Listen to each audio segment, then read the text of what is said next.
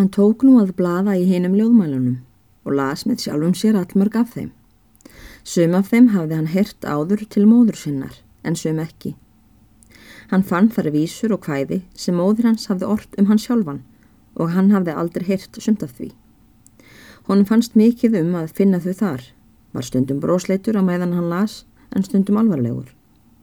Og enn fann hann vísur, hvaðnar við Íms tækifæri sem honum auðsjámanlega þótti mjög mikið til koma.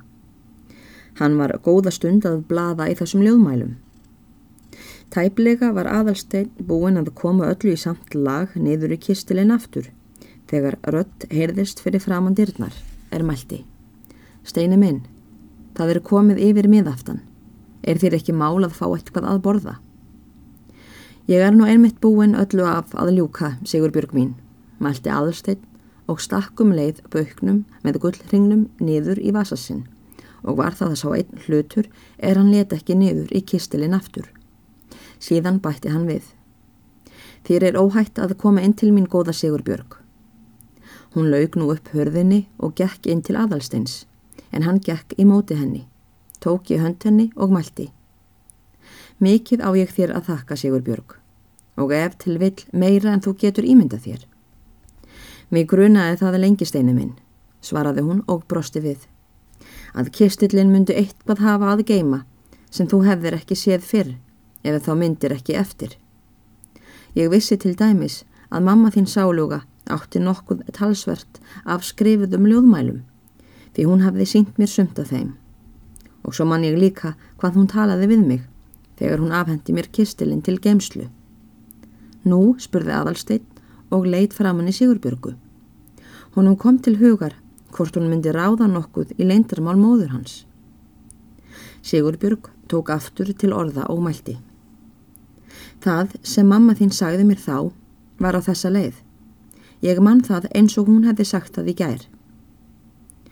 Ég hef reynt þig til fulls, Sigurbjörg mín, sagði hún, og ég trúi engum hér nærlendis eins vel og þér. Mér hefur oft komið til hugar að segja þér einn hlut sem mér hefur lengi leið á hjarta, en ég hef ekki komið mér að því og sé ekki tilneins að gera það hérðan af. En ég ætla að trúa þér fyrir öðru í þess stað.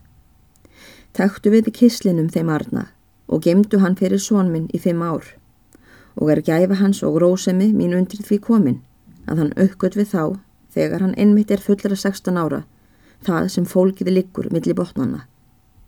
Til þess að sónur minn geti engan grun fengið um þetta ætla ég reyndar ekki að bjóða honum að láta þig geima kistilinn en ég ætla að ráðleikja honum það og vona að það nægi. Síðan sagði hún mér til um það hvernig ætti að opna holfið eins og þér er nú kunnugt. En svo bætti hún við. En degi svon minn á þessum tíma skaltu brjóta kistilinn upp og brenna hann með öllu því er hann hefur að geima. En það máttu þá líka skoða leindarmál mitt því ég trúi þér fyrir því áður en þú varpar því á eldin. Þessi voru orð hennar, mælti Sigurbjörg, og mátti ekki minna vera en að ég reyndist henni trú í þessu. Þú hefur líka reynst það, góða Sigur Björg, mælti aðarsteinn. En þó hef ég sagt manni mínum að þessu, mælti Sigur Björg, og átti hann að leiðbina þér ef mín misti við og vísa þér á tvöfaldabotnin. Því bæði var það að ég vildi búa sem best um allt saman, en það var líka óhætt að trúa honum fyrir því. Það er maður sem ekki talar meir en góðu hófi gegnir. Þetta var nú nöðsynleg fyrir higgja, mælti aðalsteinn hefði ég gengið við dölinn þess hlutar alla mín æfi. Ég má ekki hugsa til þess. Ég á þér mikið að þakka Sigurbjörg. Það er ekkert um að tala, svaraði hún. Það var ekki meira en skilt úr því ég hafði lofað því, en það hefur ekki mikill vandi kvilt á mér. Og nú er tvent til, valti aðalsteinn og var alvarlegur í bragði. Annað hvort skal þetta leindarmál móður minnar degja með mér eða ég skal segja þér að því Sigurbjörg áður en þetta sumar er liðið. Fyrirætlun mín er nú först með tilliti til þess. Að svo mæltu gekk hann að borðinu.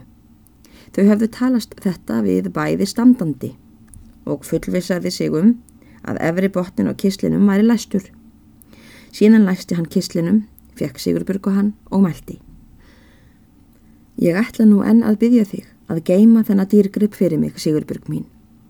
Hver lengi það verður veit ég ekki, en ég hef sama fyrirvaran sem móður minn sáluga. Degi ég svo að ég geti ekki gert aðra ráðstofun, þá brjóttu kistlilin upp og lestu skjölinn sem í honum eru, en brendu síðan allt á björtu báli. Ég skal gerðnan takast þetta á hendursteinu minn, með þeirri góðu von að ekki þurfi til þess að það taka, mælti Sigurbjörg og brosti við. Kestillin getur leið á sínum gamla stað ef þú vilt. Að svo mæltu tók hún enn einu sinni við kislinum og let hann á sinn stað undir kistuhandraðan. En aðalsteitt stakk á sig liklegunum og gemdi hann eins og hann var vanur.